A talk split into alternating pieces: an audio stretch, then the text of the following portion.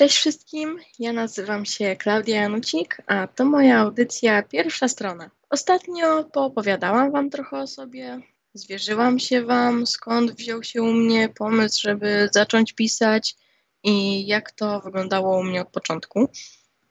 Mm, dzisiaj chcę przybliżyć Wam moje początki z konkretną historią, e, tą, na której obecnie najbardziej się skupiam i która może okazać się, a przynajmniej mam taką nadzieję, moją debiutancką powieścią. No więc, jak ostatnio wspomniałam, e, rozpoczęcie pierwszego rozdziału nie było dla mnie wcale takie łatwe.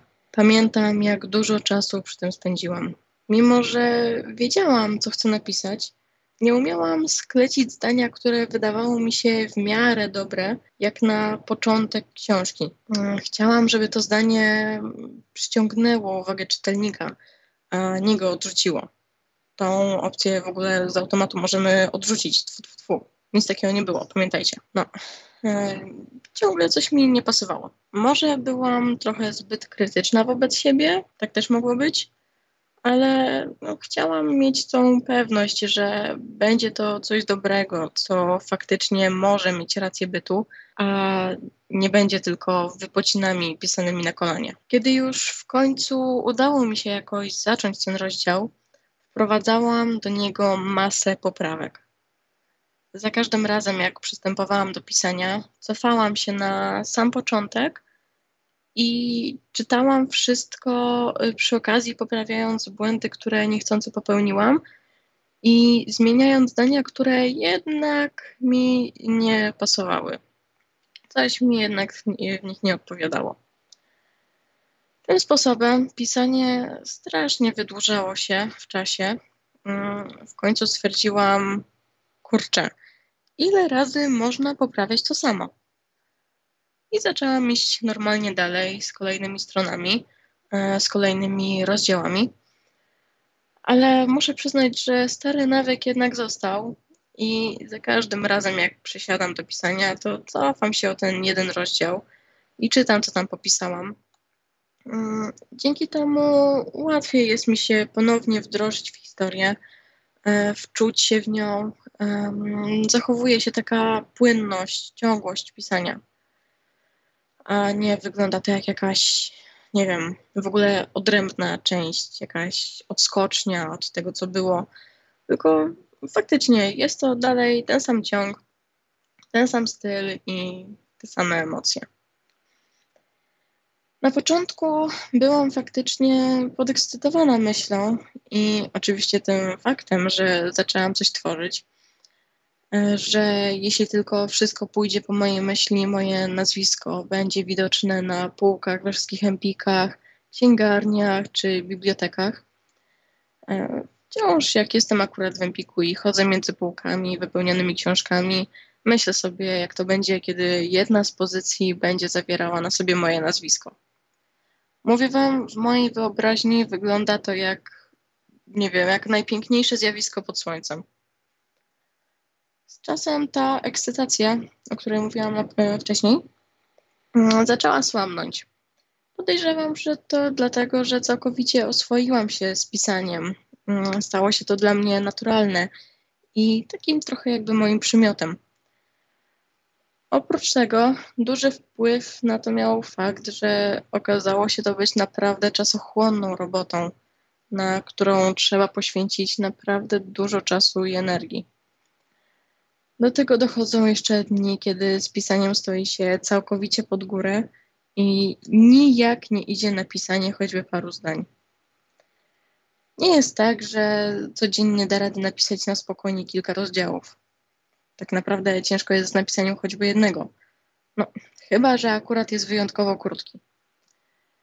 Mówię to wszystko z założeniem pisania na komputerze albo na laptopie. Wiadomo, że przy ręcznym pisaniu zeszłoby się z tym z 10 razy dłużej, także nie polecam. E, jak zaczynałam tworzyć tę powieść, e, zapisywałam wszystko w notatniku kupionym z przeznaczeniem specjalnie na tylko i wyłącznie tę historię. Rozpisałam w nim jej pierwowzór, e, plan wydarzeń, cechy wyglądu i osobowości ważniejszych postaci i zarysy niektórych przygód. Co prawda w tym momencie nie korzystam z niego non-stop, bo po prostu nie jest mi to aż tak potrzebne. Tym bardziej, że ja i tak należę do osób, które średnio planują wszystko krok po kroku. Raczej wygląda to tak, że mm, przyszedł mi do głowy jakiś pomysł, poszerzam go o jakieś istotniejsze wątki, nadaję cechy i imiona bohaterom i zaczynam pisać. I tyle. A zanim dojdę do tych y, obmyślonych wydarzeń, piszę na bieżąco to, co wymyślę. Jak wymyślę akurat jakąś fajną, istotną rzecz, dopisuję to w notatniku i idę dalej. Tak więc widzicie, że jest to kompletnie niezaplanowane. Mimo to nie wyobrażam sobie, żeby w trakcie pisania nie leżały obok mnie najistotniejsze dla mnie przedmioty. E, nazywam to takim niezbędnikiem młodego pisarza, chociaż według mnie każdy pisarz powinien mieć coś takiego, więc nie tylko ten młody, ale jakoś nie wiem, ta nazwa mi się spodobała i tak już zostało.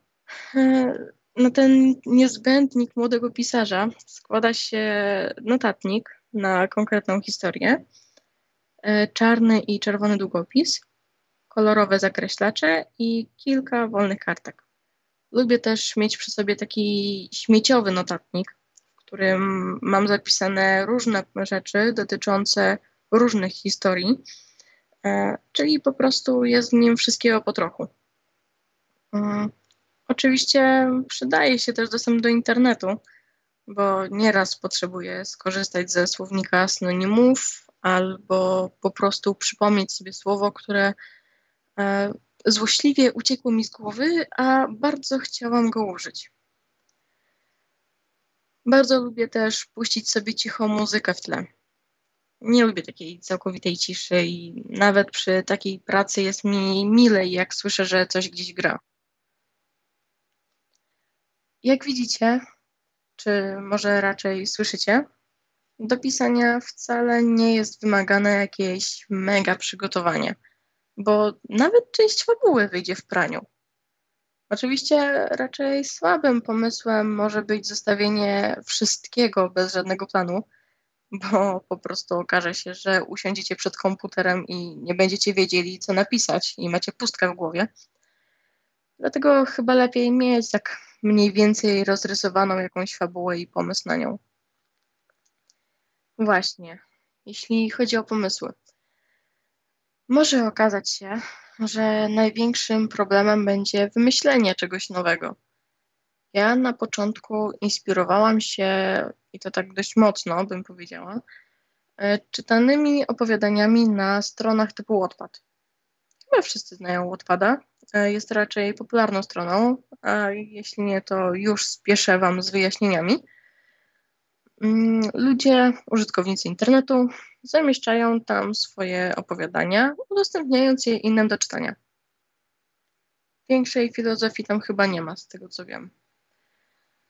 W każdym razie nie jest to moje ulubione źródło inspiracji. Zresztą już nie pamiętam, kiedy ostatnio zaglądałam do tych opowiadań. Najlepszym dla mnie źródłem są sny. Zapisanych mam naprawdę dużo notatek z zarysami historii, które mi się przyśniły. A uwierzcie, że jest co zapisywać i z czego wybierać. Oczywiście nie wybieram tylko tych wyśnionych pomysłów. Mm, na jeden z moich ulubionych padłam podczas rozmowy z koleżanką.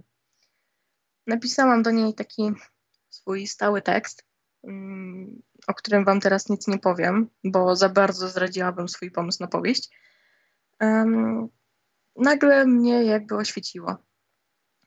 Na kartce, którą akurat miałam pod ręką, a u mnie na biurku chyba zawsze znajdzie się jakaś kartka. No, widzicie, niezbędnik młodego pisarza zawsze obok. Pamiętać. E, zaczęłam na niej zapisywać wszystko, co tylko przychodziło mi do głowy. Zeszła się chyba z godzina, bo całkiem sporo się tego zebrało.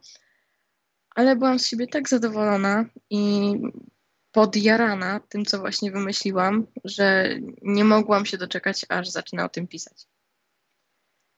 Jakbyście chcieli natomiast wiedzieć, jak wpadłam na pomysł powieści, którą się aktualnie zajmuję, możecie się trochę zawieść albo zaśmiać z żałości Nie będę się na nikogo gniewać. Pewnego wieczoru siedziałam sobie na fotelu z nogami położonymi na biurku i jakoś tak przez chwilę zapatrzyłam się w pustą wtedy ścianę przede mną. Chyba nawet nie myślałam o niczym konkretnym. Nagle mnie olśniło. Dosłownie. Mogłabym się założyć, że oczy mi się wtedy jasno zaświeciły. Zaczęłam widzieć w swojej głowie ten świat, postacie, ich zachowania, no wszystko. E, potem myślałam nad ich imionami i w końcu zaczęłam sobie wszystko zapisywać w notatkach w telefonie. Jak słyszycie, wielką inspirację może przynieść nawet pusta różowa ściana. Chociaż na jeden z pomysłów wpadłam też podczas kąpieli. Nie pamiętam, co to, to mm, tak naprawdę, ale wiem, że tak było. Także polecam. E, w moim przypadku mm, te pomysły są często od razu rozpisywane z najważniejszymi elementami fabuły, ale są też takie, na które składają się tylko zarysy bohaterów. Ich cechy, wygląd, jakieś koligacje lub przeszłość. Mm, ale mam też takie notatki z zapisanym jakimś znaczącym fragmentem rozmowy albo niewielkim fragmentem tekstu, z którego dopiero może wypłynąć cała historia, albo który po prostu wplotę gdzieś w jakąś już powstającą historię. E, kiedy pomysł wywodzi się od postaci, mm, mam wrażenie, że stają mi się one jeszcze bliższe e, od początku niż normalne. Bardzo istotnym jest dla mnie poznanie własnych bohaterów a ono wcale nie kończy się na przypisaniu im odpowiednich cech charakteru. Jest to tak naprawdę dużo głębszy proces, niż by się mogło wydawać. Zastanawiam się, jak odnaleźliby się w danej sytuacji, e, jakby sobie z nią poradzili, e, co by czuli. Zauważyłam, że taką moją kolejną przypadłością jest to, że każdemu bohaterowi nadaje albo jakąś swoją cechę, albo cechę, czy po prostu coś związanego z moim otoczeniem. W każdej ważniejszej postaci udaje mi się znaleźć jakieś hmm, choćby małe podobieństwo do mnie. Co najlepsze, zaczęłam to robić kompletnie nieświadomie. I sama byłam zdziwiona, że wyszło mi coś takiego. Mimo to starałam się ich zbytnio do siebie nie upodabniać, żeby po prostu każdy bohater nie był taki sam z zaledwie drobnymi cechami różniącymi. Mówiłam wcześniej o poznaniu własnych bohaterów. Stworzenie ich planu y, bardzo to ułatwia. Dzięki temu widzę, y, że ich charaktery są rozpisane jak na tacy. Łatwiej jest mi się odnaleźć w ich psychice, ich mentalności, łatwiej mi dopasować do nich y, ich wybory żeby po prostu nie robili nic niezgodnego z ich naturą. Dziwnie by to wyglądało, jakby nagle złośliwy i ironiczny bohater zaczął nagle pomagać postaci, z którą um, ma zawsze na pięku. Taką logikę postaci łatwo jest zachować przy mniej istotnych wyborach, ale nie można ukryć, um, że każda taka sytuacja dodaje charakteru postaci. Nie mogłabym dopuścić do sytuacji, w której na przykład egoistyczna i arogancka postać nagle, choćby częściowo, rezygnuje z własnego dobra mm, na rzecz pomocy głównemu bohaterowi, mimo że i dla mnie, jako autora i sympatyka tego bohatera, jest to trudna sytuacja i trudny wybór, a ten niespodziewany obrót spraw ułatwiłby mi wszystko. Nie, jak już jest coś ustalone, trzeba się tego trzymać. Nie macie pojęcia, jak ciężko jest mi myśleć o złym końcu bohatera, którego naprawdę polubiłam, a co równocześnie wydaje się nieuniknione przez pewne zasady, które postawiłam na początku jako nieodwoływalny porządek natury. Aż się płakać chcę. Dla mnie proces tworzenia postaci jest jednym z najbardziej złożonych. Może dlatego, że tak samo ludzka natura jest tak naprawdę nieprzewidywalna, e, złożona, a czasem nawet i trudna do wyjaśnienia. W sumie dzięki temu ci bohaterowie nie są płascy, bez wyrazu, ale faktycznie czytelnik um, też może się do nich zbliżyć. Tak samo jak ja, przeżywać ich załamania i słabsze momenty, e, cieszyć się z powodzenia albo płakać po ich śmierci, czy nawet w pewien szczególny sposób się w nich zakochiwać. Według mnie nie powinno tworzyć się bohaterów e, na podstawie powieści, ale to oni powinni tchnąć w nią życie, poprowadzić do jej rozwoju i ją kształtować. Nie powinni też nagle zmieniać swoich osobowości, bo tak byłoby fajniej i łatwiej. Ta zmiana, jeśli ma nastąpić, powinna trwać pewien okres w czasie, być wydłużona, rozwinięta. No, chyba że został rzucony na tę postać jakiś urok czy zaklęcie. W końcu w powieści fantazy może stać się dosłownie wszystko, prawda? W każdym razie bohater e, staje się dzięki temu bardziej naturalny i żywy, na czym pisarzowi chyba powinno najbardziej zależeć. Wiem, że niektórzy pisarze, autorzy mają takie coś, że muszą mieć wszystko zaplanowane i ułożone w rządku. Ponownie podam Wam przykład, że ze mną i być może z wieloma innymi osobami jest kompletnie inaczej. Ostatnio wspomniałam Wam o Sandrze Nowaczyk i o spotkaniu z nią zorganizowanym przez Empik. Powiedziała wtedy, że nie wyobraża sobie zacząć pisać bez przygotowania najpierw tytułu. I tu mamy zgrzyt. No więc ja Wam powiem, że tytuł jest dla mnie ostatnią rzeczą do przygotowania. Może i odrobinę robię to wszystko na odwrót, ale nie wyobrażam sobie nazwać coś, czego tak naprawdę sama jeszcze do końca nie znam. Szczególnie, że w międzyczasie przychodzi trochę nowych koncepcji, które da się jeszcze bez problemu wpleść w historię i mogą ją całkowicie zmienić. Swoją drogą zauważyłam, że ja do wszystkiego podchodzę na opak. Na przykład yy, w ostatnim czasie zaczęłam pisać esej na zajęcia. Zaczęłam ładnie. Napisałam tytuł, po czym chciałam zapisać tylko taką drobną notatkę w zeszycie. Jasne. Gdzieś to samo wie, co nie? Nie dość, że rozpisałam się na trzy strony, to jeszcze stwierdziłam, że to może być piękne zakończenie. Ktoś jeszcze tak ma? No właśnie. Ze wszystkich zapisanych zarysów powieści, mm, tylko jedna ma przypisany tytuł, który mógłby się sprawdzić.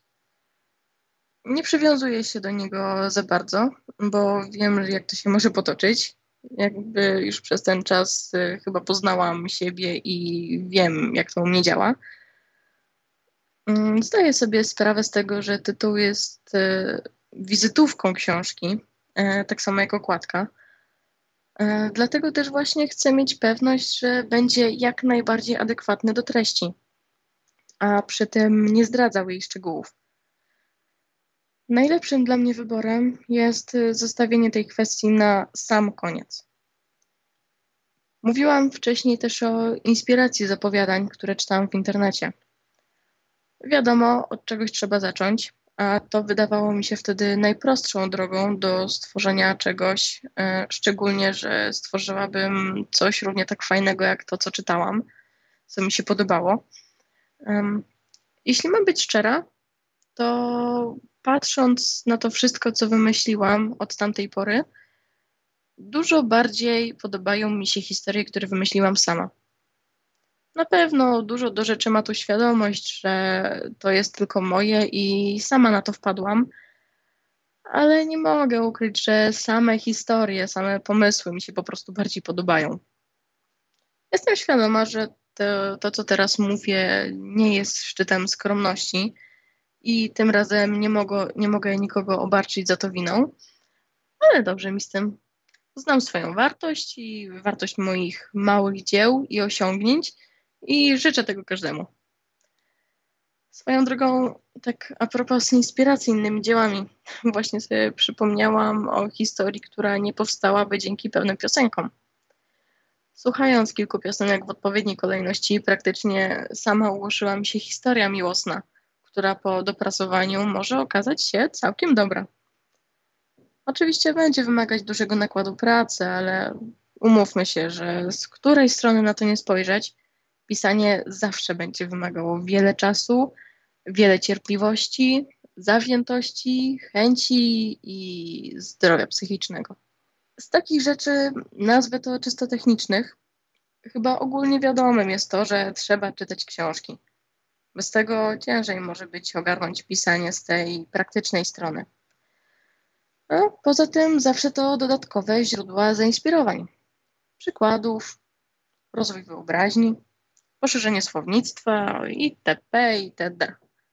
Chyba nie muszę o tym mówić. Założę się, że każdy przynajmniej kilka razy w życiu słyszał o zaletach czytania i możliwościach, jakie się dzięki temu przed nami otwierają. Znowu na koniec wyszła mi piękna puenta. E, wybaczcie, nie robię tego specjalnie, także nie bijcie. Mogłabym tak jeszcze długo pogadać, ale czas nie jest z gumy. Minuty lecą.